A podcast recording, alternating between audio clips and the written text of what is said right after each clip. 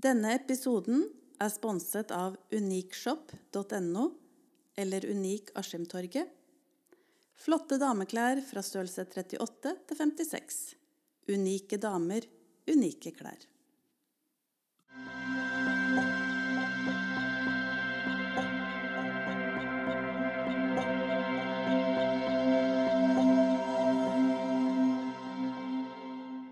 Mitt navn er Lill Gjerstad Andersson. I dag eh, får jeg besøk av Kenneth.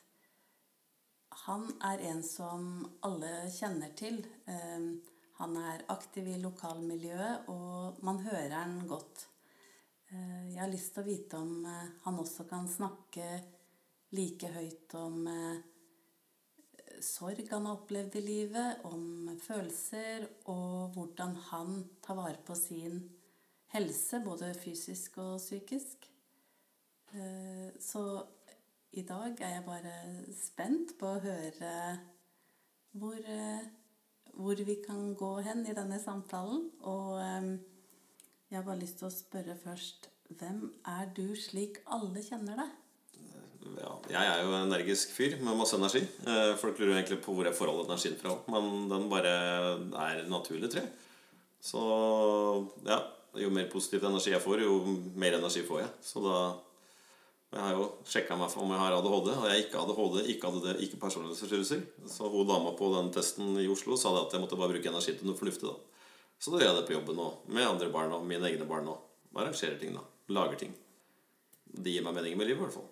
Og så jobber jeg mye. Og så trener jeg mye når det er mulig. Men akkurat nå så er jeg ikke så gira på å trene, for det er ikke så kult å trene alene. Men når CrossFit Sarpsborg åpner igjen, da skal jeg bli flink til å trene igjen. Men da har jeg gjort veldig mye det siste året, da, som er fornuftig. Hvis du vil bare starte litt med Hvordan var det å vokse opp på bygda? Det var eh, Vokse opp på Skiptvet er jo helt fantastisk. Det er jo det jeg vil utvikle videre. At eh, mine barn og andres barn skal kunne oppleve det som folk flytta til Oslo fra. De flytta fra Oslo fordi de ville ha et trygt sted til barna sine. Hvor det da var lekeplasser, og det var mulighet til å finne på ting og bli kjent med naboen og være på dugnader og gjøre noe sammen i samfunnet. Spille fotball, håndball, slå ball, være på skolen, ringestikka, barke, henge etter biler på kvelden. Henge sammen og bare snakke sammen. Og kunne være på samlingspunkter. Men det er jo det som er problemet i Skiptvet i dag. At det er jo nesten ingen steder å samles på lenger. De fjerner jo disse lekeplassene, og så mener de på det at de trenger ikke noen lekeplasser, fordi de beregner at eh, en barnehage skal gå som en lekeplass. Men det, sånn funker det ikke. Eh, Så ungdommene her går jo rundt i, uten mål og mening, kanskje, uten å ha noe å gjøre på kvelden. Og så blir de å sette stykk på fordi de bare flyr rundt. Men det er ikke alle som er lagd for å gå i håndballhallen, og det er ikke alle som er lagd for å gå på fotball. Så da vi har kommet et steg videre. Så jeg vil bare at Skiptvet skal være et sted som er trygt for alle. At man kan være der man er, og så bare ja, Veit noen noe om ungen min, så veit jeg det veldig fort. Så hvis den begynner med noe fyss, så veit jeg det nesten Ja. Så det er moro. Så Skiptvet er jo et sted hvor folk flytta fra Hele Vollfeltet er bygd opp fra Oslo-folk, nesten. Opprinnelig min familie er også fra Oslo. Så da så veldig kult å høre at folk flytter til Skiptvet for de hører at det er bra lokalsamfunn her. Det er moro. Hørte det senest i går. Når du da nevner familien din Du mista jo mammaen din ganske tidlig. Eller hun ble veldig dårlig. Hvordan forma det deg? Nei, jeg tror det blir til det bedre, faktisk. jeg. Jeg var jo nesten, Det var jo 5. januar, så jeg var jo nesten fire år. da, Tre uker før bursdagen min. Eh, Jeg er på en måte vokst opp uten mor, så jeg visste liksom ikke åssen det var å vokse opp med mor og så bli borte. Så jeg har nok eh, den av mine fire søstre Så har nok jeg da vært den eneste som har da kommet seg unna på en måte ved at ikke jeg visste åssen det var før mamma ble sjuk. Så jeg tenker at det, det at mora mi ble sjuk, har forma meg til den personen her i dag. Og så er det når jeg var liten Jeg var rundt ni, tror jeg. Ni til tolv. Da var jeg som beredskapshjem hos Svein og Bente Borgen. Og de har jo drevet bondegård. Og griser og hogga ved og plukka poteter og kjørte på isen og var på søndagsskole og sang uh, morgenbønn og de, Ja, nei. De har forma meg, faktisk. Så alt jeg gjør med ungdommer som i Skiptvet i dag, med akedisko og skjøtedisko og lage ting og sånt, det er egentlig pga. Svein og Bente Borgen. Kunne du si det når du var mellom 9 og 12 også, at du var i et eh, beredskapsbesøk? Eller at du At det ikke var flau det? Ja. ja, ja, ja, Det var for å avlaste han uh, faren min, han som hadde fem unger. Så det var ikke noe fall. Så det var, og det var jo bra folk. Det var jo gymlæreren min, han eh, Svein. Og så gikk jeg i klassen med Jens Christian. Så det var ikke noe flaut med det. Det var bare, vi hadde det, det var ikke noe å hvile hjemme der. altså. Så der lærte jeg en del av arbeidsmoralen tror jeg, av Svein. Har du kontakt med dem i dag? Ja, ja, ja. Jeg forteller dem hver gang. Så da Ja, de er bra folk, altså. Og så får du egen familie. Eh, Hvor viktig blir det da for deg å skape en trygg barndom for dem når du sjøl har vokst opp da, uten mamma? Nei, da, da blir det kanskje enda sterkere, tror jeg. At jeg setter enda mer pris på det som jeg har satt pris på. At man må ta de tinga som er Og så må leve i oppveksten som vi hadde i gamle dager. da Og vi har faktisk vært til stede med barna våre når vi leker og sånt. At man ikke bare eksisterer med pad og stress.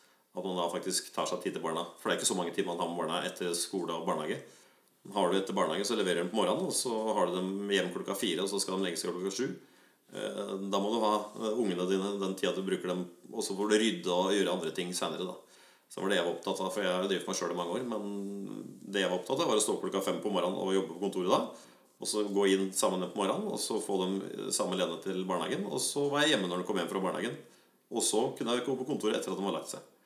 Og så at vi, at vi finner på ting i helger og sånt. At helgene er liksom et høydepunkt. da ut og, Om det er fiske, eller om det er gå i skogen, eller kjøre firehjuling, eller eh, et eller annet. Bare være sammen. Det er ikke noe mer enn det som skal til.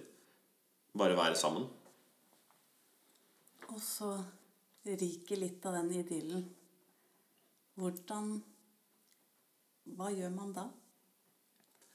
Nei, man får vel en knekk. Ikke sånn Vi hadde vært sammen i 15 år, da. Vært gift i 10.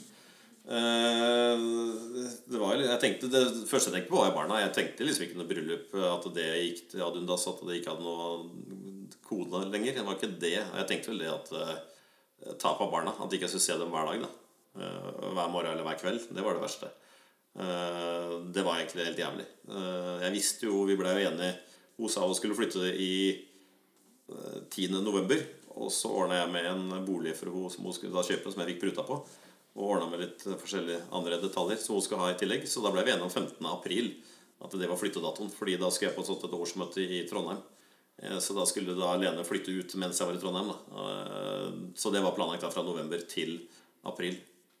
Så jeg var liksom mentalt forberedt på det. da Men klart når jeg kom hjem den søndagen da etter å ha vært i Trondheim, da hadde jeg Det er det verste jeg har vært noen gang. Da satt jeg bare Jeg klarte ikke å røre meg i tre timer. Da var Nei, det var helt sinnssykt. Det er det jævligste jeg har følt noen gang. Er, eh, så den unner jeg ingen. Fra å alltid komme hjem til unger som er glade, til at de er helt stille.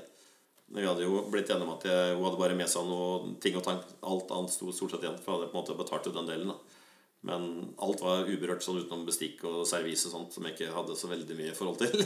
Og det ble jeg på en måte borte, men det, det brød jeg meg ikke noe om. Det var barna, da. Men eh, det tok faktisk 18 måneder eh, før det ble bra. Det Ja. Jeg greide hver dag, faktisk. Og hvem snakka du med da? Nei, det var alene, egentlig, faktisk. Kunne du gråte sammen? Ja, ja, ja, ja. Det gikk bra. Så da Altså, jeg har jo faren til henne, og så er jeg mora til henne, og så er jeg søster av broren. Så da Ja. Jeg har mine mentorer. Så er det banksjefen min, han er kamerat med. Ja. Det liksom, men jeg holdt mye for meg sjøl. Jeg burde kanskje snakka om flere med noen. Men jeg har skrevet litt på Instagram og sånt om det, og det hjelpa veldig. Så føler jeg at vi gutta skal være så jævla tøffe, så vi skal ikke snakke om det. Men jeg har lettere for å skrive enn å snakke, tror jeg. Så Når jeg møtte Knut, da var det bra. Hva sa du nå? Når jeg møtte Knut første gang, da tenkte jeg at dette går bra. Ja. Så da slutta det. Og Knut, det er Nye mann til henne. Og hvordan har dere klart å skape den nye barndommen til ungene dine, og deres, at dere kan være stolte av det? Nei, så det er vel ikke så vanskelig. Vi hadde egentlig en plan når vi gifta oss, når vi fikk barn. Så det var liksom bare at vi gjør det beste ut av det.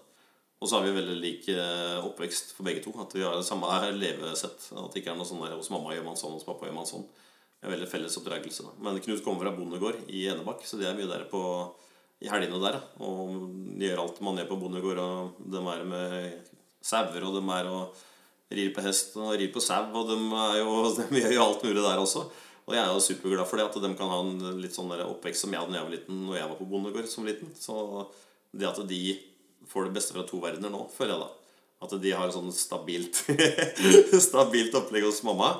Mamma ordner og styrer sånn som alt har gjort. Og var veldig flink til det Og så hos pappa så er det litt mer action. Det er litt mer firhjuling. Og vi drar til Sverige og løper hos her, løper og sover på hotell og kjører båt og sover i telt. Og vi har det kult, da.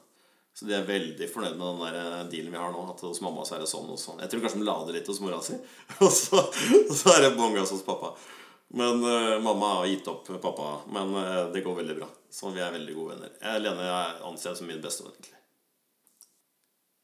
Eh, trodde du det skulle bli sånn den dagen du kom hjem fra årsmøtet og det var tomt? Så du for deg at du kunne bli en god venn av Lene igjen? Ja, ja. Aldri hørt det vil. Vi har alltid vært enige med alt. Så det var liksom litt sånn lyn fra klar himmel. det. Men eh, Nei, vi hadde en plan for mange år siden, og den har vi holdt oss til også. Vi har ikke krangla én eneste gang. Kanskje hvis jeg hadde latt unga vært lenger lenger opp. Men, men utenom det så har jeg aldri hørt noe krangling. Vi er bare veldig enige. Er det noen jeg ringer til hvis jeg har problemer, så er det Lene. Hvis er Lene har problemer, så ringer Lene til meg.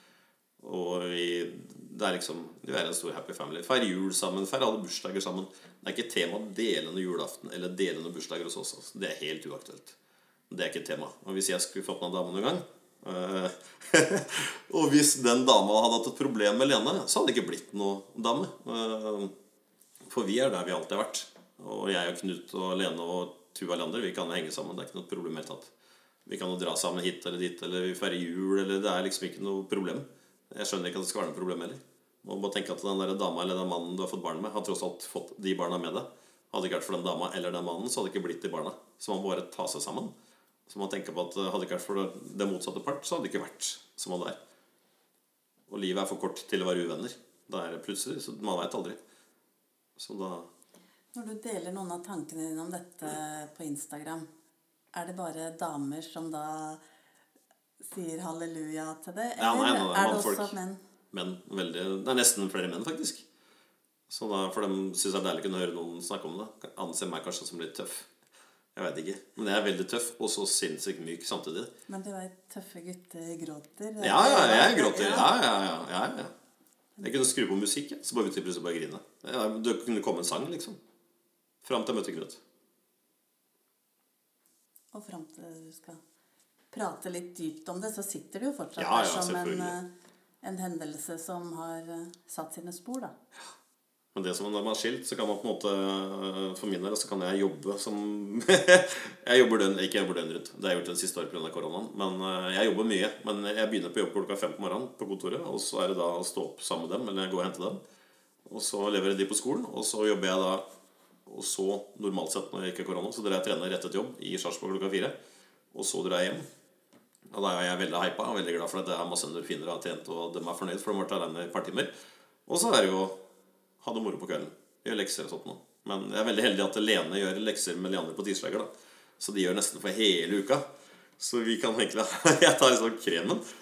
Vi har det veldig, veldig bra. Så jeg var, ikke, jeg var jo grei. Jo, jeg var jeg ikke dum på skolen. Men jeg vil liksom ikke at han skal bli noe dummere igjen. Så, og det vil ikke Lene heller. Så vi kan være litt dårlig litt sånn høl i den der loggen til um, rektor eller til læreren hvis han hadde vært hos meg.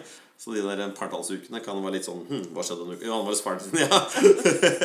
så da var det blitt veldig mye bedre. Men Tuva ordner seg sjøl, da. Så det er, men vi, er veldig, vi snakker sammen hvis det skjer noe på skolen, eller sånn, så er det telefonen, så er vi der. Så det er Nei, vi har det bra. Og ukene flyr jo. Men det som er, hvis man er skilt, så har man jo liksom barna 50% Man er 200% til stede. Istedenfor å leve den derre eh, stressende hverdagen hvis man er gift. At man er eh, skole, barnehage, lekser. Du får aldri tid til det sjøl. Det er på en måte et evig jag. Mens når man er skilt, så har man på en måte den tida den ene uka hvor man da kan gjøre de tinga som, som tar tid. Jeg kan jobbe mer, jeg kan jobbe mer på kvelden, jeg kan drive med kontorarbeid på kvelden. Jeg kan trene mer, jeg kan pusse opp ting hjemme. Jeg kan gjøre masse den uka jeg ikke har barn. Og så prøver jeg litt flinkere da til å være mye mer sammen med de da Men nå har jeg problemet med at de gidder ikke være sammen med meg snart, for de skal bare ut med vennene sine. Så da har jeg jo lagd masse crossfit-opplegg hjemme med treningsgarasje og OCR Park. Og, ja, jeg vil gjøre det tilrettelagt for at de skal kunne være hjemme. da Garasjen oppe den, mitt kontor det ryker jo snart. Der skal Tuva flytte, sier hun. Så da men det er greit. Nå har jeg kontroll på dem hjemme. Jeg har jo vært ung sjøl, så de foreldrene til mine kompiser var rimelig naive. Men eh, så naive skal ikke jeg være, altså. Nei. Vi veit jo hva vi dreiv med sjøl. Helt riktig. Og jeg er ikke glemsk. Jeg husker veldig godt hva jeg drev med. Det det. Og jeg forteller faktisk til ungene mine også hva jeg drev med. Så ikke de tror ditt, og så tror de datt, og så får de høre fra noen andre. Fordi folk preiker jo. Ja. Så jeg må fortelle alt. Ja. Men de må ikke gjøre sånn som jeg gjør. Nei, Men som jeg er sier. Ja, det er det. Men du sier du har ordna treningsutstyr hjemme. Men hva gir trening deg? Hvordan brukte du den? Ja, For eksempel etter skilsmissa. Ja, Den perfekte diett er vel kanskje Jeg hadde ikke trent noen ting fra jeg møtte Lene i 2001. Februar møtte jeg Lene i 2001. Og så flytta hun i, i april 2016, og så begynte jeg å trene i september 2016. var det. Da hadde jeg ikke trent på 15 år. Da hadde jeg trent null timer. Bare jobba godt på skole og bygd og gjort alt jeg har gjort. Starta firma og sånt noe. Eh, Så hadde jeg ikke vært på treninga, så hadde jeg, vet jeg ikke hva som har skjedd, faktisk. Men det har vært redningen. Trening og høre på musikk. eh, Og mye venner, da. Men liksom trening og musikk, det har vært Det har gitt meg mye. Og den energien jeg har da, som jeg da gir videre til andre, den blir jo helt eh, Ja.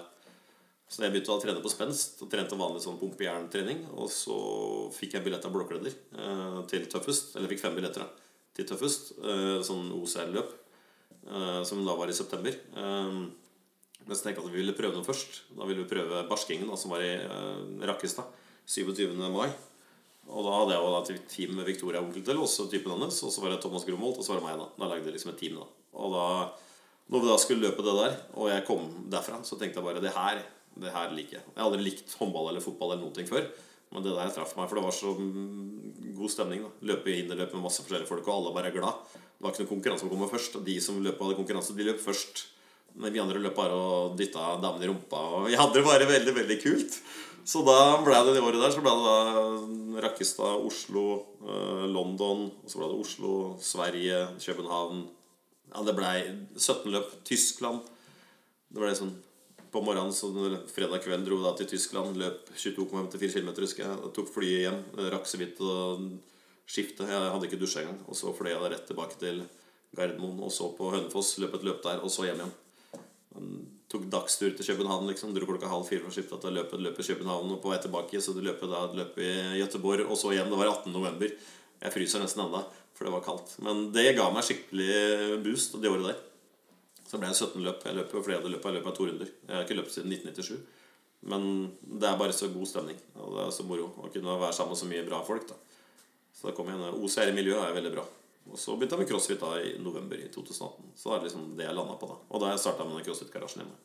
Så jeg, trent, så jeg trener barna og vennene deres. da Det var jo mye før korona, men så ble det litt lockdown. Og da har vi ikke hatt noe Vi har ikke kommet ordentlig i gang igjen. Da Da har vi trent sånn fem, seks, sju stykker. Så det er moro. Så får de endorfiner, og så blir de glade. Ikke sant? Og så er det jo en sunn livsstil, da. Men sånn som du går jo all in og har mer energi enn de fleste jeg veit om, hvert fall. Ja, ja. Og det virker som det bare er litt sånn utømmelig. Ja, men- det er det. Men uh, hvis du tenker for eh, de litt mer sånn som ikke er så uh, Har så mye å hente hele tida, da. Hva tror du det kan hjelpe deg sånn psykisk og fysisk? Ja, det fysiske ser vi jo resultater av, men hvordan hjelper hvordan, Hvorfor hjelper det oss, på en måte? Å trene? Ja. Nei, Jeg føler at jeg sover bedre, spiser bedre, mer våken, eh, får mer energi. Eh, Jeg hadde jo, sånn som jeg da var sammen med Lene, så jobba jeg jo altfor mye. Jeg starta firmaet da jeg var akkurat fylt 23, liksom. Jeg bygde 19 leiligheter på 24 måneder fra 2005 til 2007. Eh, Bygd eget hus da jeg var 21. Jeg har jo liksom aldri hatt Jeg har aldri sittet stille, nesten. Men eh, jeg føler det at de periodene nå i koronaen som jeg ikke har eh, Jeg har nesten ikke trent det siste året fordi jeg har mm, stort sett jobba.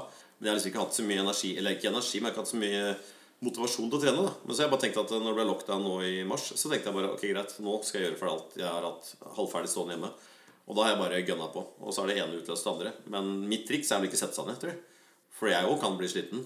Eh, Men da kan jeg slappe av en dag, og så er jeg på'n igjen en dag etterpå. Men, så det er bare at man må bare komme i en rutine hvor det er trening. Og at du har faste klokkeslett du trener.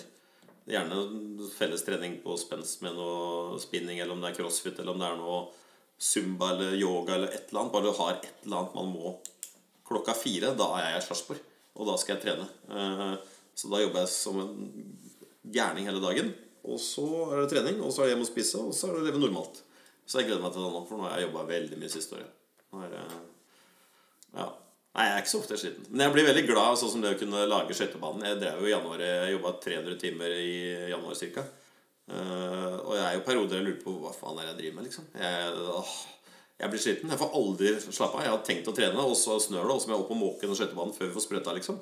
Og så tenker jeg mange ganger er det, hvorfor gidder jeg dette her? Men så ser jeg at disse her ungene går på skøytebanen, og det er kanskje 200 stykker der, eller 30 stykker der, og det er ti ungdommer der klokka ti på en lørdag kveld. Det er det som gir meg så det jeg får energi til å fortsette, da. Og da er det moro. Da er alt glemt. Alle spørsmål på Facebook og overalt er glemt da når det blir liksom Når er den ferdig? Når er ja, Nei, vi må bare ha minusgrader for at det skal bli skjøting. Liksom. Ja. Sånn som I fjor maste folk at det skulle bli skjøtedisko i fjor, men i fjor så var det minusgrader én dag. Eh, og da kan man ikke ha skjøtedisko, liksom. Jeg kan ikke noe for det. Beklager. Altså. I år har vi hatt skøyte... Men vi har ikke hatt muligheten pga. korona. Så da, og klart Skal jeg servere pølser og jeg får ordna med pølser på spons, så får jeg første spørsmål på Facebook er Har du vann til ungen min. Eh, han må ha noe å drikke, liksom. Og da ble jeg sånn der Kan man ikke i hvert fall prøve å ta med seg en flaske vann sjøl? For vi hadde brukt bort alt vannet på skøyteisen, som jeg kommenterte. Så jeg må på en måte bare være litt sånn Litt humor, samtidig som jeg blir litt oppgitt noen ganger. da Men, men sånn er det jo bare. Det er hvis man får hele fingeren, eller fingeren, så skal man hele hånda. Men, men jeg bryr meg ikke. Jeg bare syns det er litt moro da, når folk gjør sånn Vi kommer med grilla med grillpølse, så står folk bare og tenker at faen, skal ikke du grille for meg, liksom? Nei, men du kan få pinne. Og så bare spikker vi pinne for dem. Så er det sånn, men kan ikke du grille pinnen Sånn er folk i dag. Men det bryr meg ikke. Har jeg ett barn som har det bra den dagen, så er jeg fornøyd. Er det noen unger som kommer direkte bort og takker deg? Ja, ja, ja. Ser de hvor mye dere gjør for det? Ja, ja. De sier 'beste dagen i livet mitt', liksom. Ja. Og da, det holder for meg. Det holder. Da kan jeg fortsette uendelig. Du skal liksom ta med tilhengeren hjemmefra og sette noen høyttalere bak i bilen. Eller hengeren og så få med diskolys, og så kommer Rema 1000 og sponser pølser, og så kommer Eh, Bygdekvinnelaget og sponser 200 brød og så kommer, nei, lumpe, nei, boller, og så kommer brannvesenet med brannbil. Det skal jo ingenting til. Og så blir det så god stemning. Så Sist gang vi hadde ordentlig skøytedisko, i 2018, ja, da tror jeg det var over 500 stykker der. Jeg så på noe her om dagen. Jeg så på filmen, eller i går faktisk. så på filmen. Det var bare sånn her Er det mulig? Det er Så hvis man arrangerer noe skiptet Det er jo det som er moro med å arrangere noe. Hadde det ikke kommet folk, så hadde jeg jo ikke giddet. Men vi satte standarden så høyt første gangen, og det kom så mange mennesker. Så når man da veit at nå skal de arrangere noe i Skiptvet igjen, eh, de der gutta Da kommer folk fra Sandefjord og Enebakk og Lillestrøm og Oslo, og de kommer fra overalt. Og det er jo dritkult. At folk kan Så ene jeg snakka med i går, og hadde blitt fortalt av mora si at du må flytte hit med sønnen din, for at her er det skøytedisko og akedisko, her finner vi på ting. Så det er moro. Og da er det kult å drive videre. Som er veldig takknemlig, da. Og det var vel et avbrekk i år at det blei den kulda og at man i hvert fall kunne møtes ute selv om ja, ja. avstand og det, så ble jo det en viktig greie å få den skøytebanen ja, ja. ferdig. Vi skulle begynt å vanne litt før, men neste år så har vi lagd liksom et team nå da, som kan begynne. Men vi, vi, hadde jo tre skøytebaner. Liksom, I Askim så er det den ene skøytebanen var i Askim, som jeg har skjønt, i hvert fall, er jo like stor som den ene vi har i Skiptvet. I Askim er det vel 15 000-16 000 som bor, og vi er jo 3800. Så vi hadde jo da den og på Meiredammen og på Pressegårdsdammen og på idrettsplassen. Så vi er jo heldige. Masse, flere mil med, med løyper til ski. Og vi er heldige skiptet, altså. Ja, det er bra. Det er ikke så mange man trenger på dugnad, egentlig. Det var et par. Og så er det noen som virkelig bare står på, men ja, som også tør kanskje å si fra. For ellers så kan man jo bli spist opp. Litt. Ja, ja, ja. Jeg bryr meg ikke hva folk sier om meg. Eh, folk syns at jeg er veldig rar eller masete eller hva enn det er for noe. Men jeg bare veit at hvis ikke vi får vanna nå, så blir det ikke noe is. Og hvis vi bare får vanna i én uke, så varer denne isen til første temperatur eh, når det ble varmt, da, så bare smelter den, så er den borte.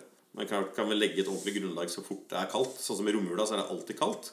Så er det aldri noen i kommunen som kan uh, sprøyte den jævla isen. Og så får vi ikke lov til å sprøyte sjøl heller. Så de hater jo meg, i kommunen, på 1. januar. For da ringer jo jeg hver jævla morgen. For da sier at nå må vi sprøyte. Uh, jeg kaller meg blodjegla fra Det er blodjegla Frelandsringen. Kan dere dra sprett snart? Ja, skal, ja, men vi må ha det nå. liksom Helst to ganger i dag. Så i år har vi fått til at vi har fått brann og redning har hjulpet til i år, da. Så hvis det ikke hadde vært for Indre Østfold brann og redning i år, så hadde det ikke vært noe skøyteis i år. Fordi enkelte i kommunen mente at det var bortkasta å bruke tid og penger på uh, den skøytebanen. Så jeg fikk faktisk beskjed om å holde kjeft når jeg snakka med ham. For jeg sa at det er så mange mennesker liksom, og så mange barn. Det, er, det blir brukt i så mange tusen timer. Men så sa jeg at men jeg må jo bare ringe seg. Uh, fordi folk ringer til meg likevel. Og så sa han i kommunen Uh, vet du folk ringer til deg, sånn? Sa jeg nei. Uh, fordi du faen meg dødt fra det trynet overalt, sa han til meg. Og Og så fortalte jeg at noen, hva er det hva er det sier for noe, liksom. Og så sa jeg men ungdommen hadde noe å finne på, så bare det bare med å holde kjeft. Og da, da ble jeg forbanna. Så da snakka med ordføreren etterpå. Så hun beklaget seg veldig, da, for hun var veldig på det at de skulle ha to sjettebaner pga. korona. Han ene mente at vi ikke skal ha noen, eh, men så var det greit kanskje én. Og så sa jeg at vi skal ha to, og da ble han sur på meg fordi jeg sa vi skal ha to. Men så sa jeg at det ligger på Skiptvet kommunes hjemmeside, og på Facebooken til kommunen, og på Facebooken til Skiptvet-sida. Så vi skal ha to. Det er bare å komme og vanne, seg. Så, da, så han er tydeligvis ikke noe glad i meg. Men de bryr meg ingenting. Så ordføreren beklaget seg og så håpa jeg ikke fikk en knekk med at jeg hadde lyst til å finne på ting. Så sa jeg vet du, at han sånn som han der, han gir meg en boost til å fortsette. Så det er ikke noe problem. Nei, det. Jeg har noe å lære av jeg. Ja, Du må bare gønne på. Så bra. Ikke kødd med unga i kjøttet, altså. Ja, men det mener jeg seriøst. Er Ikke kødd med unga i kjøttet. Nei, det er enig. Ikke kødd med noen. Nei, ikke kødd med noen. Enig. Det er bra. Du nevnte så vidt at uh, det helst var Lene som gjorde leksene fordi at uh, du hadde noen høl eh. Men du har jo drevet for deg sjøl i mange år. Ja, ja. Det betyr jo at uh, man må ikke ha femmer og sekser i alle fag. Nei, nei, nei. Man kan bli noe. Må alle gå studiet Må alle gå det vanlige løpet, eller fins det liksom mulighet for dem som sliter der ute? og- Jeg slet jo ikke. Nei, men ikke, Nei, det, nei, det mener jeg ikke. Nei, jeg Men bare tulla. Jeg bestemte Ja, ja, ja, ja. Men det er som Leander. Han er rørlegger selv. En kompis som spurte for tre år siden, da var han jo sju år, så spurte han kompisen min hva skal du bli når du blir stor. Sa han til Leander da. Og så titta Leander bare rart på han, så sa han bare jeg er rørlegger. Og han mener han har skrudd rør siden han var to og et halvt. Det er ikke tull. Så hvis Leander strammer til et kjøkkenbatteri når han er med på jobb etter øh, jeg er ferdig med sommerferien min, så trenger han ikke å sjekke det. Fordi det er hardt. For han vet hva som skal gjøres. Han er jo bare genuint interessert i å være rørlegger. Sånn som det jeg var. Fordi jeg satt og så på søstera mi sin type eh, Lodde når vi bodde nede i Rødskapland her. Og da satt jeg på stol og så på at han jobba. Og da bestemte jeg meg da jeg var ti år at jeg skal bli rørlegger.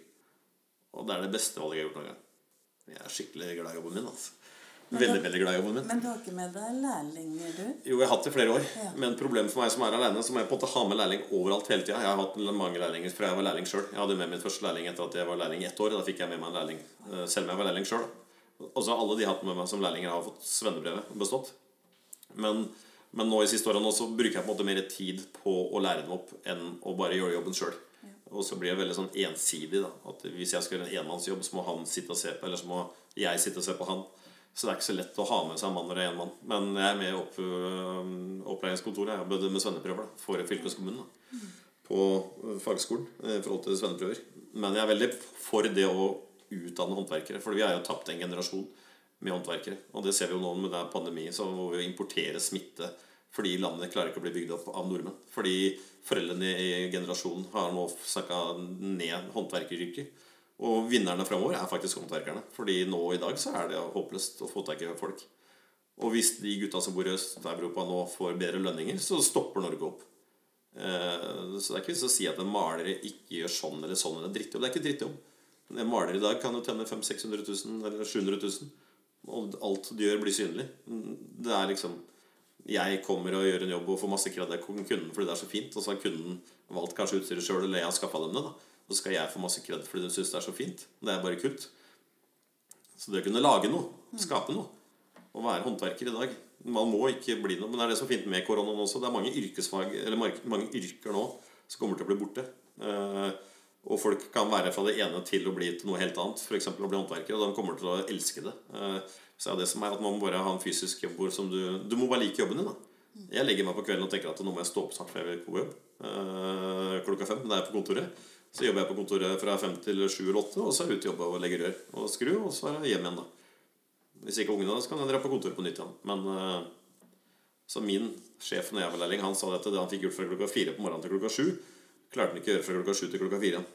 Fordi timen som er imellom, der ringer og det er mailer og sånt hele tida. Så det er helt håpløst. Så det er eh, Nei. Men klart man burde hatt en grunnutdanning først. Før man, jeg har lært mye på veien på de 17 årene jeg driver for meg sjøl. Jeg driver med eiendom i mellomtida òg. Det er klart det kom en finanskrise midt i der da, som jeg ikke hadde planlagt. Så det har kosta meg noen millioner. Så det Men du har liksom stått på beina gjennom Ja, ja, ja, jeg har jo pantsatt huset mitt for å låne penger til å bygge eiendom. Ja, og ikke det ble som det skulle, så måtte jeg bare jobbe med det for å ikke huset skulle bli solgt, liksom. For når du pantsetter en enebolig, så kan du ikke bare slå et AS konkurs. For da sier man at det gjør ikke noe for oss, for vi har jo pant i boligen din. Så, så da må jeg bare fortsette. Så selv om jeg da skal betale 20 000 i måneden på et lån, f.eks., som jeg gjorde fra 2007 til 2015. Eh, I snitt. Det var jo lån pluss diverse andre utgifter. Så si i snitt 20 000 da, eh, i måneden.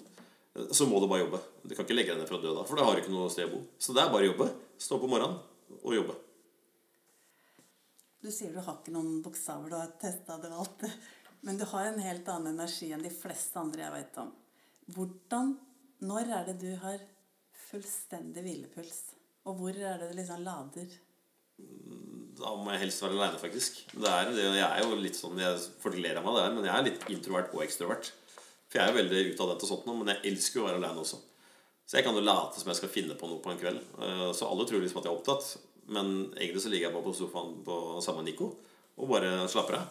Svarer på noen meldinger og titter litt og scroller litt og dupper av litt foran peisen. Og da kan jeg slappe av. Men, så jeg må ha den alenetiden. Så den setter jeg ekstremt stor pris på nå. Etter at jeg blei etter at det gikk 18 måneder, og jeg fikk noen nedturer, og så kom oppturen, når jeg nå har på en måte likt å være alene Nå liker jeg å ha alenetid. Og det er jo det jeg følger med mange andre som har blitt eh, skilt eller blitt single på en eller annen måte. Da, at de da bruker lang tid på å komme til seg sjøl. Og når de da først kommer til seg sjøl, så trives de veldig godt alene. Så jeg har nok kanskje bikka over der at det er litt farlig at jeg trives så godt alene. Men jeg har så mange gode venner rundt meg, og sånt så da, men jeg er mest kreativ, og jeg får mest ideer når jeg da kan ligge og slappe av alene og tenke på ting. Men så tar ikke så lang tid fra jeg tenker på ting til jeg begynner på det. da. Og når jeg først begynner, så klarer jeg ikke å stoppe fordi jeg blir så gira. Og så gjør jeg jo alt sjøl, så jeg kan både snekre og male og legge rør og elektrisk og alt sjøl. Så jeg gjør på en måte alt. Så jeg må ikke vente på noen heller. Så jeg, liksom, jeg kan jo begynne fem om morgenen og fortsette til to om natta, og så Ja, det er jo ikke bra. Men uh, det har ikke noe. Jeg var hos legen her nå i høst. Vi skulle ta sånne småtester, for jeg sa vi må sjekke en gang til. liksom Så tok vi noen småtester i forhold til ADHD. Jeg har ikke ADHD. Jeg kan konsentrere meg. Jeg ikke, nei, det er ikke, det er ikke ADHD. Veldig, hadde, veldig mye energi. Ja, veldig mye energi. Men det hadde jo ikke vært noe farlig om man hadde de bokstavene. Nei, Det er mange herregud. verdensmestere og olympiske mestere Ja, ja, ja. er eh, for å, og er veldig kreative ofte, da. Jeg føler at det er mange foreldre som skal skylde på det at ungene har eh, ADHD, så at du må bare tilrettelegge det. er bare tull. Det er liksom, skal man ta en ADHD-test med barn, så kan man jo som forelder fylle ut et skjema. Når du kommer inn på Holberggate 19 i Oslo, når du skal snakke med fire forskjellige psykologer, du skal gjenfortelle historier, du skal sammenligne bilder, trykke dobbelt med sju-tall på dataen, du skal gjøre sånne ting. Eh, Jeg kan jobbe 30 timer i strekk, eh, og jeg er mindre sliten enn å skal ta en sånn test på fire timer. Jeg var jo der tre eller fire ganger. Så da, For jeg spurte legen, liksom. Fordi svigerinna mi sa til meg, for hun jobber i barnevernet, så sa hun at du, du må sjekke om du hadde ADHD, for det var før Tuva ble født. Og så fikk de jaggu meg en avbestilling, sa den. Så jeg kom inn etter seks uker istedenfor seks måneder. Eh, men da tok jeg de testene. Men det var liksom ikke noe Så jeg har papirer på det. Men nå sa jeg da jeg spurte liksom hva hvis jeg ikke har, så sa hun det til meg, og dama, da, at nei, men da finner vi ut hva det er. Det er kanskje noe annet, som hun sa. Men bare bruk energien fornuftig. Hvis du ikke har ADHD. Men også sa det før, at faen, du må jo ha ADHD. Så sier jeg, men vil du at jeg skal gå på medisiner og bli zombie, da? Eller hva er det du vil, liksom? Jeg får jo gjort veldig, veldig mye, da. Og jeg får gjort veldig, veldig mye. Men husker du tilbake fra da du gikk på skolen? Satt du riktig vei, eller satt alltid med ryggen Å mot? nei, jeg satt stort sett mot Jeg satt på vindusrekka og så ut, stort sett. Det som er litt Bare tanken Ja, ja. bare fløy rundt? Men når læreren spurte meg om et eller annet, så Da svarte jeg jo. Ja, ja. Og så Det irriterte dem litt, tror jeg, at jeg faktisk fulgte med. Men Tuva er litt sånn hun også. At hun, Tuva kan være litt sånn der, ser nesten bare øya gå rundt og følger med på alt mulig annet. Og så blir du spurt om noe, og så svarer hun. For du følger med. Men det er ikke alt som er så veldig interessant. Da. Så jeg er veldig opptatt av de klassene de har nå, hvor du kan ha friluftsliv. Og hvis du har litt sånn, havner litt sånn utafor at du kan bli med og lage ting eller i skogen eller fikse ting og tilrettelegge for barn. Det kunne jeg egentlig tenkt meg kanskje en dag i uka. Å drive med sånt noe. For å finne ut at det der, det er Så kult. må du bare forlenge det døgnet litt. vet Så får du Ja, men jeg har ikke flere. Jeg må sove. Det er det du må, det. altså. Ja, jeg må okay. sove. Ja. Det er nesten godt å høre Ja. at du må det. Men jeg har fått dyne fra Haltufå på gata her. Jeg sover veldig få timer i løpet av et døgn. Men sengetøy og, senge, og dyner og sånt noe fra Therese Fy faen, det er derfor jeg pusser opp soverommet òg. Jeg tenkte at jeg kan ikke legge på det fine sengetøyet og den der dyna her i det rommet der som jeg tenkte på så lenge jeg skal pusse opp. Så når det ble lockdown da 22. januar eller hva det var for noe, eh, da tenkte jeg bare ok. Da tenkte jeg jeg skulle slappe av en helg. Det var på en fredag. Klokka ti bestemte jeg meg for å pusse opp rommet mitt. Og da begynte jeg klokka ti. Så var det ferdig halv fem på morgenen. Og så skulle jeg være pressekonferanse klokka ni. Og så ringte jeg til Flyg og Farge Sarpsborg klokka åtte. For jeg så de hadde til mobilnummer. Og så ringte jeg et par ring. Og så la jeg liksom på. Og så ringte de opp igjen, så sa jeg beklager, men jeg visste ikke at dere ikke hadde åpnet ennå. Men så spurte han om jeg kunne åpne før, da. Og da åpna jeg kvart på ni. Og da åpna jeg, blanda jeg maling, og så tenkte jeg nå skal jeg male. Så da dro jeg til Fredrikstad, for da hadde vi ikke stengt ennå. Da dro jeg til Bohus og handla to sånne der, eh, nattbord. Og så dro jeg hjem. Og da jobba jeg fra Ja, da kom jeg hjem sånn rundt klokka halv tolv, tror. Og da jobba jeg vel til klokka halv to på natta. Og så sov jeg ganske lenge, for da sov jeg til ti. Og så jobba jeg fra ti til klokka ni på kvelden. Da var jeg ferdig. Så da fra jeg bestemte meg for å pusse opp soverommet til alt var helt strøkent ferdig, så var det da 48 timer, da. Og så kom ungene da på kvelden, for jeg hadde bursdag dagen etterpå. Da var vi ferdig. Nytt soverom. Jeg har også tenkt på å pusse opp det soverommet mitt, men jeg planlegger det sånn måned Nei, men jeg var I oktober så tenkte jeg at jeg skulle pusse opp soverommet. Jeg hadde egentlig bestemt meg for gulvteppe og sånn. Vegg-vegg-teppe da Men så liksom tenkte jeg jeg orker ikke nå. Nå må jeg skjerpe meg. liksom Blei det vegg-til-vegg-teppe? Ja, jeg skal ha det. Jeg har bare ikke fått bestilt det ennå. Eh, Jeg har, jeg har teppe jeg skal ha. Men så lukket jeg det mysen, så jeg fikk ikke bestilt det heller. vet du. Så da, men det blir vegg-til-vegg-teppe. Det blir sånn der antrasittfarge. Det blir helt konge. Altså.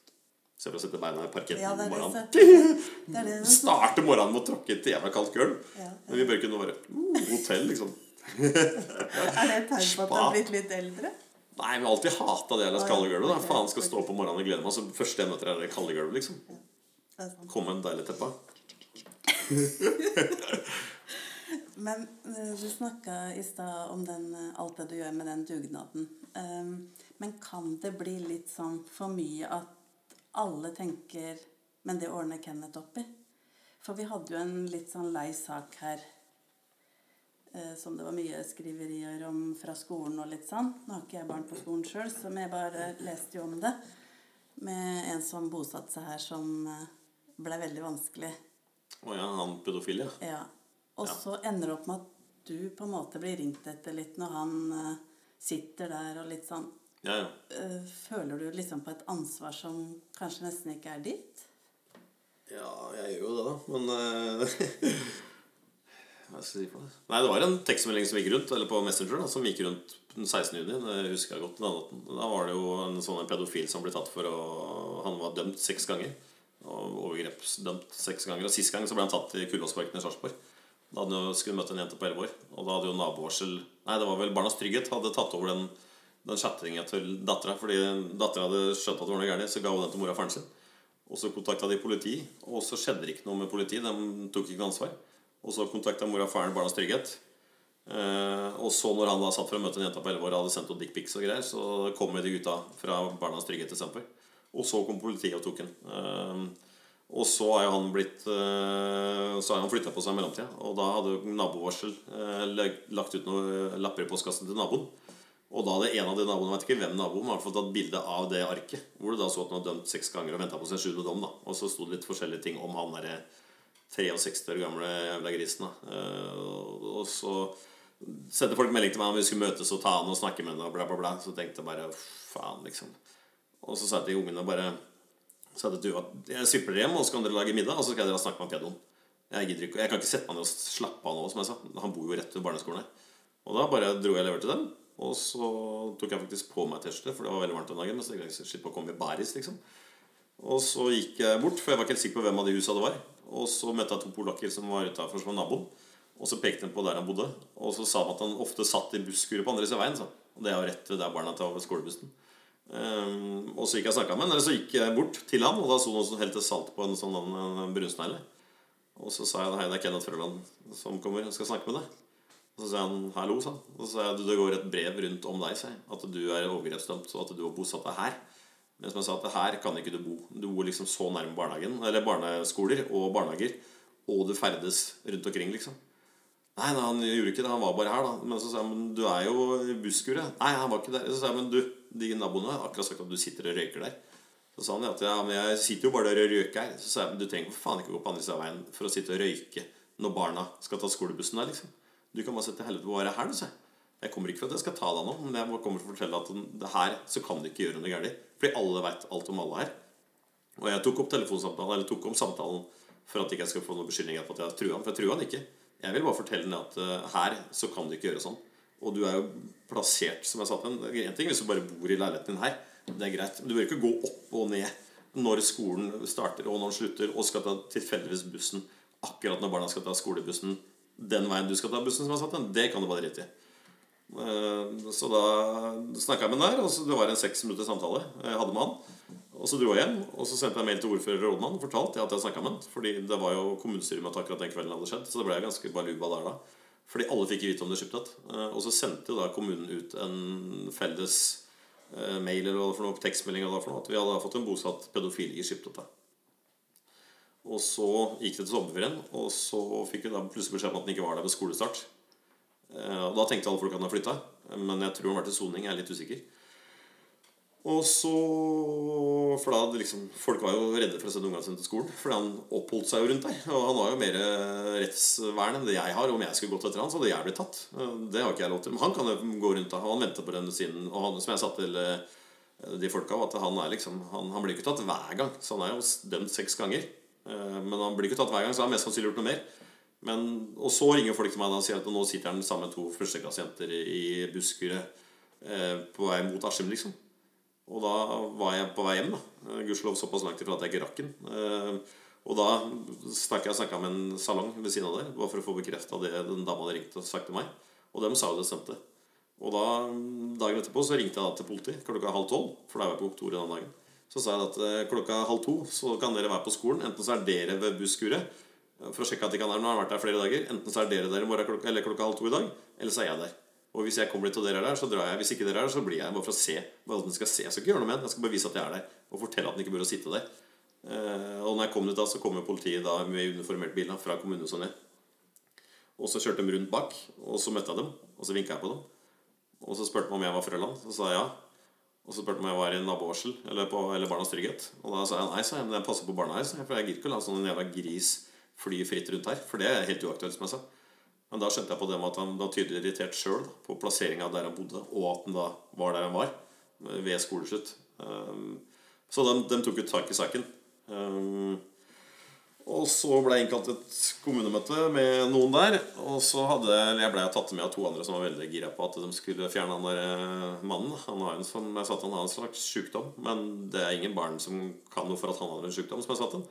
Men Så jeg følte meg litt motarbeida i det møtet fra kommunen. Og jeg skjønner jo det at de har opp, gitt opplysninger om han, at han faktisk eksisterer i for det har man egentlig ikke lov til å si. Eh, Så jeg tror kommunen i løpet av den sommerferien har fått litt påpakk fra hans advokat. At de har sagt For det er jo personvern. Det er jo høyere sikkerhet på det enn noe som helst annet. Men så følte jeg meg vel, eh, veldig motarbeida i det møtet der. Men så begynte det å irritere meg veldig, for jeg tenkte på han hele tida. Og jeg fikk jo tilsendt dommer og sånt fra de to andre som da var veldig gira på dette. Så sa jeg til slutt bare at For jeg, og jeg leste ingen dommer. For jeg vet at hvis jeg hadde lest dommer òg, som jeg sa til de i kommunen, at eh, han er på en måte min eh, alder Det sa jeg til han jeg møtte nå. Din aldersgruppe er på datteren min sin alder, liksom. Og det er ikke bare dattera mi jeg bryr meg om, jeg bryr meg om alle andre barn òg. Men jeg følte meg såpass motarbeida i kommunen at de da liksom ikke hadde muligheten til å gjøre noe. Og det skjønner jeg jo. Men så skjønte jeg samtidig at de to andre De hadde da baller nok til å faktisk fortsette med dette greiene her. Eh, Og kommunen har ikke lov til å gjøre noe heller. Men det endte da til slutt da med at hun ene da fiksa leilighet for ham. Hun skrev eh, leiekontrakt for ham, hun hjalp ham å flytte. Hun ordna med postumskonto for ham. Hun gjorde alt. Hun flytta ham ut av Skiptvet. Så hun ringte til meg og sa bare at hvis jeg er blitt observert med pedoen i bilen nå, så er det bare fordi jeg flytta for den. Så nå er den ute av bygda, sa hun. Nå vil jeg ikke fortelle hvor. Han sa jeg vil ikke vite hvor den har flytta heller. Men det er bra. Og han bodde langt fra barnehager og skoler. Så da som jeg sa til han at eh, Og som han eh, De snakker jo sammen, de folka der. Så jeg tror nok ikke at det er pedoens paradise. Så det er ikke sånn eh, Nei, vi må bare passe på hverandre. Jeg skjønner at vi, er, vi har sånne mennesker, men man må ikke plassere dem der. Men jeg veit ikke om Nav visste det heller. De har jo så sterkt personvern. Men du sier Eller du er jo ikke redd for å si meninga di. Nei, nei. Og da var du da i et møte med noen som på en måte har myndighet til å bestemme over ting. Ja, ja. Eh, eh, hvordan, hvilken pris betaler man til slutt når man står i alle disse kampene? Har du noen gang gått på en smell? Ja, jeg, gikk, jeg gikk litt på en smell da, faktisk, for jeg ble sliten. For jeg tenkte på det hele tida. Det irriterte meg. Og ungdommen ringte meg. 'Nå går ned på Gjøkeredet.' Så Tilfeldigvis når Gjøkeredet ungdomsklubben er slutt, da skal han ut og gå. Så holdt det på å klikke for meg. ikke sant? Så jeg måtte bare si til folk at du hva, ta ring politiet. Ikke ring til meg. Jeg brukte jo sikkert tre uker på å irritere meg den perioden før jeg sa vet du hva, stopp, ikke send meg noen kopi på noen dommer, ikke send meg noen ting. For det, det klikker for meg. Jeg kan ikke lese det han har drevet med. For hvis jeg vet at han har gjort det, og så bor han der, det, det går ikke. Så jeg brukte tre uker for at, at jeg landa igjen nå.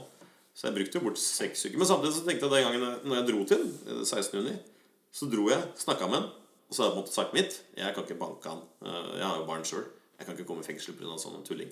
Så det blir litt sånn at eh, Men folk må ikke forvente at jeg skal ta noen. Jeg kan godt rydde eller lage et eller annet, eller dugnad med tuneflue, eller lage akebakker, eller eh, sprøyte skøytedammen, eller måke. Det er greit, det. Men jeg kan ikke forvente at jeg skal ta en pedofil, liksom. Men det er jo synd på. Men han kan godt flytte til Finnskogen. Altså fire timer med gangavstand til neste hus uten mobil og bredbånd, liksom. Og så kan han få hjemlevert mat. Han trenger ikke å komme seg rundt i samfunnet. Men jeg skjønner at kommunen har ingen myndighet til å gjøre noen ting. De er jo helt, det, er jo, det var jo krise for kommunene. Det, er, det var en stor krise. Det var den først korona og han der. Det er nesten på samme du. For folk er jo gærne. Vil ikke sende ungene sine til skolen, og barna vil ikke gå til skolen. Og... Men oppvekstsjefen sendte ut en bra tekstmelding, husker jeg. Det var vel dagen etter. da. Det var veldig at nå kunne vi faktisk bruke tida til å snakke med barna om, om pedofili og overgrep. da, Og fortelle at man ikke skulle snakke med sånne mennesker. Så den tekstmeldingen fra Søfteland var veldig fin. Da ble jeg litt stolt. Men jeg er stolt av Skiptvet. da. Men du gir vel litt sånn blaffen i den janteloven, du? Gjør du ikke det? Jo, jo, jo, herregud. Det blir jo stikk motsatt. som jeg sa i stad, forhold til at Hvis jeg blir motarbeida, så blir jeg bare enda mer klar for å gjøre enda mer. Og jeg gjør det kun for barna. Eh, Sånn som jeg kommenterer i tre år før folk vet at det er meg. Eh, Fordi jeg bare vil at eh, Jeg kan ta en litt sånn off the record, men vi kan godt ta den. Nei, det går bra. Eh, Sånn som han Øystein Pølsa, han der i Rema 1000. Han er, ble jeg liksom kompis med. For han sponsa hver gang. Men så var det hvis jeg skulle arrangere noe som ikke han visste om, så sendte jeg bare en tekstmelding. Sorry, Øystein. Så sendte jeg bare melding til Øystein. Uh, tekstmelding, da. Og så skrev jeg melding til han at send den meldinga til meg på Messenger. Og så sendte jeg melding til han. Uh, Hei, fru Lanser, du skal arrangere skøytedisko. Jeg vil gjerne sponse 200 pølser, lomper og tilbehør. Eh, Kom og hente på fredag ettermiddag. Og så sendte han det til han. Og så sendte han det til meg. Og så tok jeg print screen, og så la jeg det på sjette side. For da var det skipet sida, ikke sjettedugnaden. Så la jeg på sjettedugnaden at nå skulle Rema 1000 sponse de pølsene. Så nå er han helten er og sponser igjen. Og da fikk han masse kred fordi han skulle sponse, og da ble på en måte jeg litt glemt. Da var ikke jeg helten. For jeg bør ikke være noen helt fordi jeg skal arrangere dette. For det, det koster meg en fredagskveld. Det er jo ingenting. Jeg hadde mest sannsynlig vært sammen med ungene mine oppå der likevel. Eh, Men da fikk jeg måtte pusha ting inn til han. At han fikk kred for at han spon- Men han fortjente kred, for han sponsa hver gang. Og du trengte ikke å spørre han, Hvis han hørte om det først, så spurte han jo. Hvis ikke han hadde hørt om det, så bare sendte jeg den, og så ble den lagt ut.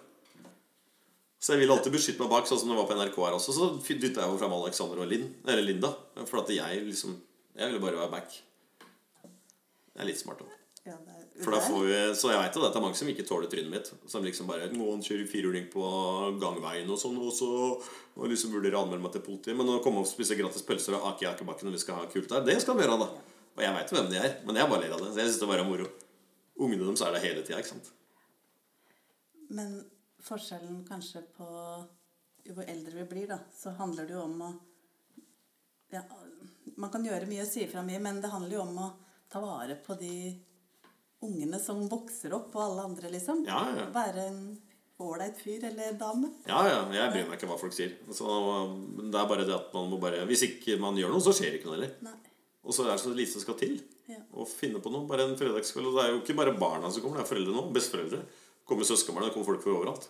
Og det å kunne gjøre noe sånn som da, det er jo ikke noe problem, det. Og sånn når man da ser tekstmeldingene hagler inn, sånn som vi ordna med skøytebanen nå på første året, hvor det da ble litt problematisk med snø, og det var kaldt, men det, det snødde etter at vi hadde vanna, og så ble det bulker, og så var det sånn folk sender melding 'Å, vi skal skyte dag med skolen', og det var sånn derre De veit at vi ikke skal få åpna før vi gir beskjed skal åpne, og så arrangerer de da skøytegreier alle trinn hele uka. Det begynner å fanne på torsdag, og så tror de at det skal være klart på mandags morgen. Første time skal på mandag, liksom. Det har aldri funka mindre enn en uke før. Og må drive og ringe til rektorer og fortelle at og ringe til barnehage, for de skulle da ha klokka fem fikk jeg telefon på en torsdag. For da skulle de det på fredag når vi da skal åpne på kvelden. Så det, det kan du ikke, Eirin. Det er ikke klart. Å, nei, men vi trodde Nei, men jeg har gitt beskjed at vi skal gi beskjed når det er klart. Så det har vært litt problematisk i år. Men, så jeg, jeg blir jo litt sliten av det, da. For det blir litt mer sånn psykisk sliten. Men fysisk det skal mye til for å stoppe meg. Men man blir jo litt sånn der Faen, må bruke tid på det også. Det har vært skoleklasse og barnehage hele tida. Så det er flott. Ja, ja, ja. Det er det som er moro. Ja. Så det, og når kidsa skal enten skøytebanen og så Nei, det ble ikke skøytebanen, for nå er det ble akebakken. Mm. Så må man tenke at hvis ikke hadde lagd noe Akebakken, eh, så hadde det ikke blitt noe Akebakke. Da hadde det vært Ja. På åpningsdagen der så tryna jeg og jeg knakk ankelen min der. Så, så jeg tror den så knakk den der for et par uker siden også, faktisk. Men jeg knakk i hvert fall ankelen. Så jeg fikk beskjed i 14 dager at det ikke var brudd. Så jeg gikk på beinet mitt uten at det var brudd. Så jeg tok røntgen to ganger og MR. Er det da du glemmer at du ikke er tolv lenger? Lene sa jeg skulle drikke mer melk. Men det hjelper ikke. når jeg kommer i 60 km og treffer bånd der bakken Ja. der. Jeg hjelper ikke å drikke melk da. Jeg drikker to liter om dagen. Jeg kan ikke drikke mer enn det. Det Så det er ingenting med det. Så om jeg knikker ditt eller datt det er... Jo, så lagde jeg skøytebanen. Det var i 2016. Da skulle jeg bare ta ett bilde til av Tore Rafoss. Og så gikk jeg bakover, og så bare datt jeg bakover. Og så lå jeg der. Jeg begynte å grine. Jeg klarte ikke å komme opp engang, for da datt jeg på sånn hobbjelke. Og da dro jeg til legen. Da kom jeg meg ikke ut av bilen heller, eh, Fordi da hadde jeg så jævla vondt i ribbeina. Og så fikk jeg beskjed dagen etterpå. Da var det brudd i to, nummer 9 og 10. da Nei, nummer 10 og 11, mener jeg. Og så hadde jeg blødning i ryggen. Da. Så da, og da var jeg, Det eneste som har klart å stoppe meg fra å jobbe, faktisk. Var to knekte ribbein. Det var vondt. Så var dugnaden nummer én, og så var det dugnad nummer to. Så det har sin pris. Ja da. Det, var- det kosta noen kroner i måneden. Der. Ja, sånn Avslutningsvis vil jeg bare gi deg boka mi. Eh, om ikke du leser den sjøl, kan du gi den til noen. Nei, jeg skal ikke gi bort den. Jeg kan, kan du få noen lydbok, eller? Du kan låne Skal jeg lese den? inn? kan bruker ca. 30 sekunder, Ja, er jeg er ferdiglest. Men eh, det var bare for en sånn greie at du kan tenke Ja, ja, nå har du vært med på podkast og snakka om litt følelser også. Og jeg har bare sånn avslutningsspørsmål. Tror du fortsatt på kjærligheten? Selvfølgelig. En dag. En dag. Det begynte sånn med Leno. Jeg skulle ikke på Spider. Så satt du der og klina med kompisen min. da såpass, ja. Og så begynte jeg å danse med en annen kompis og dama hans, og så kom Lene dansende, da. Så skjønte jeg at hun var gira på et eller annet, kanskje. Og så sier hun dama til kompisen min at hun da ligger unna, hun skal bare ha det på gresset. Sa hun til meg, da. Tone. Og så dansa vi, og så ble det ikke noe mer. Og så fikk jeg tekstmelding dagen etterpå, da. og da sto det bare 'Hva sa Tone om meg i går?' Og da måtte jeg si hva hun sa. Og så møttes vi, og så tre ganger. Og så ble det klaff. Og så gikk det tre uker, så ble vi sammen, og så flytta vi inn med en gang. Så var vi sammen 15 år og fikk to barn. Så ja, jeg har trua. Må leve i trua. Ja. Kan ikke legge meg for å dø nå. Nei. Men jeg har fylt 40 for en fire uker siden i dag. Lena har bursdag i dag, hun er 40 år i dag.